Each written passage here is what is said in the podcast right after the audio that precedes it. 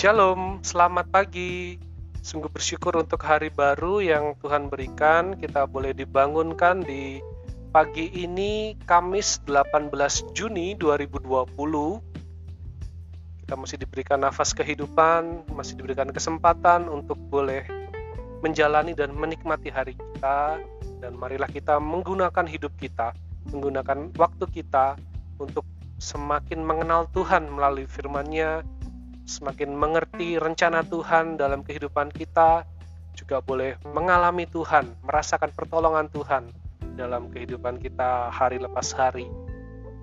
Untuk itu mari kita mengawali pagi kita dengan bersama-sama merenungkan firman Tuhan, kitab Nabi Hosea pasal yang kelima, kita akan perhatikan ayat 1 dan 2. Hosea 5 ayat 1 dan 2. Dengarlah ini, hai para imam, Perhatikanlah, hai kaum Israel, dan pasanglah telinga, hai keluarga raja, sebab mengenai kamulah penghukuman itu, karena kamu telah menjadi perangkap bagi Mispa dan jaring yang dikembangkan di atas gunung Tabor dan lubang yang dikeruk di lembah Sitim, maka aku ini akan menghajar mereka sekalian. Dalam bagian ini Tuhan memanggil seluruh komponen masyarakat Israel. Ya dikatakan dengarlah hai para imam, para imam disuruh mendengar, ya. Perhatikanlah hai kaum Israel. Ya bukan hanya mendengar tapi juga kaum Israel disuruh perhatikan dan pasanglah telinga hai keluarga raja. Bahkan keluarga raja pun disuruh memasang telinga. Karena Tuhan akan menyatakan penghukumannya kepada mereka semua. Tidak ada yang lepas dari penghukuman Tuhan.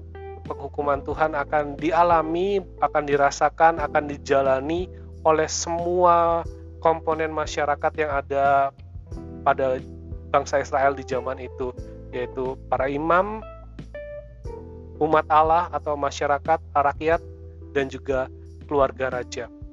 Artinya status kita sebagai manusia di hadapan Tuhan adalah sama tetapi Tuhan memberikan tanggung jawab yang berbeda. Tuhan mempercayakan tanggung jawab yang berbeda bagi masing-masing orang.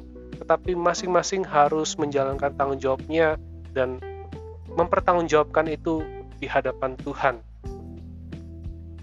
Tiga komponen masyarakat tersebut seharusnya menjadi satu kesatuan yang saling membangun, saling bertumbuh di dalam Tuhan, dan boleh menjadi satu kekuatan yang menunjukkan bahwa Israel adalah umat kepunyaan Tuhan.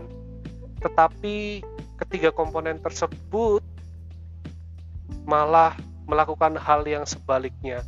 Mereka tidak saling membangun dalam iman, mereka bahkan saling menjalani kehidupan mereka masing-masing tanpa kesatuan, hanya memikirkan diri sendiri, dan akhirnya mereka membawa masing-masing mereka semakin jauh dari Tuhan, menjadi bangsa yang rusak total di hadapan Tuhan, dan menjadi bangsa yang melawan Tuhan karena mereka jatuh pada penyembahan berhala, mereka menduakan Tuhan, mereka tidak setia pada Tuhan.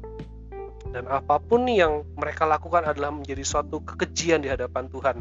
Bahkan kehadiran bangsa Israel tidak menjadi berkat, mereka malah menjadi jerat bagi bangsa-bangsa di sekitarnya. Katakan mereka menjadi perangkap bagi mispa, jaring di Gunung Tabor, dan lubang di lembah Sitim. Tiga nama tempat dengan tiga kondisi geografis yang berbeda. Mispa adalah tempat yang datar, Gunung Tabor adalah uh, ya pegunungan, mana biasanya orang-orang berlindung di atas pegunungan itu dan lembah Sitim ya lembah daerah yang cekung. Tetapi di ketiga tempat itu bangsa Israel kehadiran mereka menjadi perangkap menjadi jaring menjadi lubang yang mencelakakan. Mereka tidak menjadi berkat mereka menjadi jerat dan oleh sebab itulah Tuhan akan menghajar mereka semua Setiap kita punya tanggung jawab untuk hidup benar di hadapan Tuhan. Tidak peduli apa jabatan, posisi, kedudukan kita, setiap kita punya tanggung jawab di hadapan Tuhan untuk melakukan apa yang sudah Tuhan percayakan bagi kita. Sehingga tidak ada yang saling menyalahkan, oh itu karena atasannya nggak baik, maka bawahnya juga nggak baik. Oh itu karena pemimpin rohaninya tidak mengingatkan, maka pemimpin politiknya jatuh. Seharusnya semuanya menjadi satu komponen yang bersatu, yang saling mengingatkan, saling mendukung, saling mempertahankan di dalam Tuhan. Ketika semuanya bisa menjalankan tugas tanggung jawab masing-masing, maka akan ada kesatuan, maka akan ada pertumbuhan. Tetapi yang dilakukan oleh Israel tidak demikian. Mereka malah mendukung rajanya yang melakukan penyembahan berhala. Rakyat ikut juga menyembah berhala. Bahkan pemimpin rohani tidak berani menegur. Terlebih lagi ada pemimpin-pemimpin rohani, para imam yang ikut kepada penyembahan berhala. Sangat mendukakan hati Tuhan. Dan itulah yang terjadi bagi bangsa Israel dan Tuhan menghajar mereka sekalian. Untuk kita di hari ini, marilah kita juga memperhatikan ya setiap kita tidak jangan sampai kita menunggu orang lain, tetapi marilah kita menyadari kita punya tanggung jawab di hadapan Tuhan secara pribadi. Tuhan sudah mempercayakan kepada kita sesuatu untuk kita lakukan Mari kita lakukan, terus kita ingat bahwa itu semua adalah pemberian Tuhan. Mari kita lakukan untuk menyatakan bahwa kita adalah umat Tuhan. Jangan saling menunggu, jangan saling menyalahkan, tetapi marilah kita kembali melihat bahwa diri kita adalah umat Tuhan, diri kita diberikan tanggung jawab dan kepercayaan oleh Tuhan. Mari kita melakukannya dengan baik sesuai apa yang sudah Tuhan berikan, sesuai dengan karunia yang sudah Tuhan nyatakan bagi kita. Mari kita gunakan semuanya itu dengan baik untuk memuliakan Tuhan. Bila itu kita punya satu kesatuan yang sama, yaitu kita lakukan semuanya itu untuk kemuliaan Tuhan karena Tuhan yang sudah mempercayakan pada kita dan bila itu semua menolong kita untuk melihat bahwa Tuhanlah yang berkarya dalam kehidupan Tuhan kehidupan kita dan Tuhanlah yang menolong kita, memampukan kita untuk boleh melewati segala sesuatu.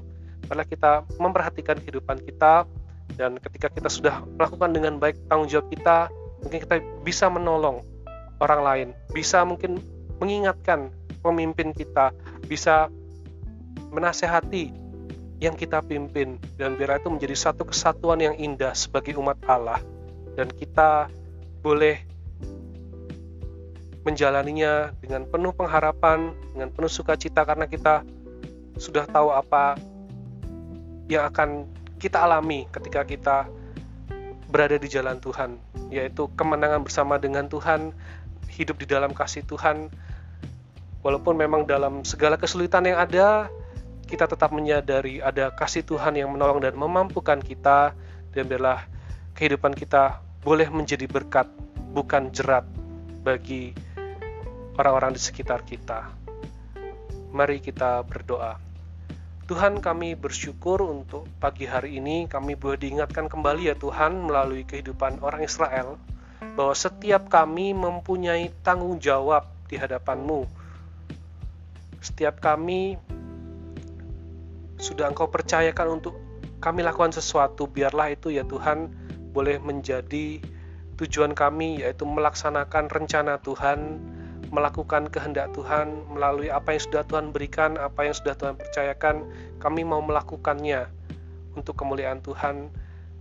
Dan bila kami juga boleh menjadi umat yang bersatu di dalam Tuhan karena setiap kami sudah diselamatkan di dalam Tuhan, setiap kami sudah ditolong oleh Tuhan dan bila kami menyatakan syukur kami mengembalikan segala kemuliaan hanya bagi Tuhan. Berkatilah ya Tuhan kehidupan kami, tolong kami, mampukan kami untuk kami boleh menjalani sesuai dengan yang kau kehendaki dan biarlah juga kami boleh melihat akan pertolongan Tuhan kami boleh merasakan akan rencana Tuhan dalam kehidupan kami dan kami boleh melakukannya terlebih lagi ya Tuhan kami boleh Engkau pakai untuk boleh menjadi berkat bagi orang-orang di sekitar kami.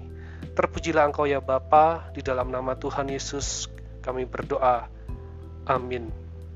Selamat pagi, selamat beraktivitas, selamat menjalankan tugas dan tanggung jawab yang sudah Tuhan percayakan bagi setiap kita. Tuhan Yesus memberkati.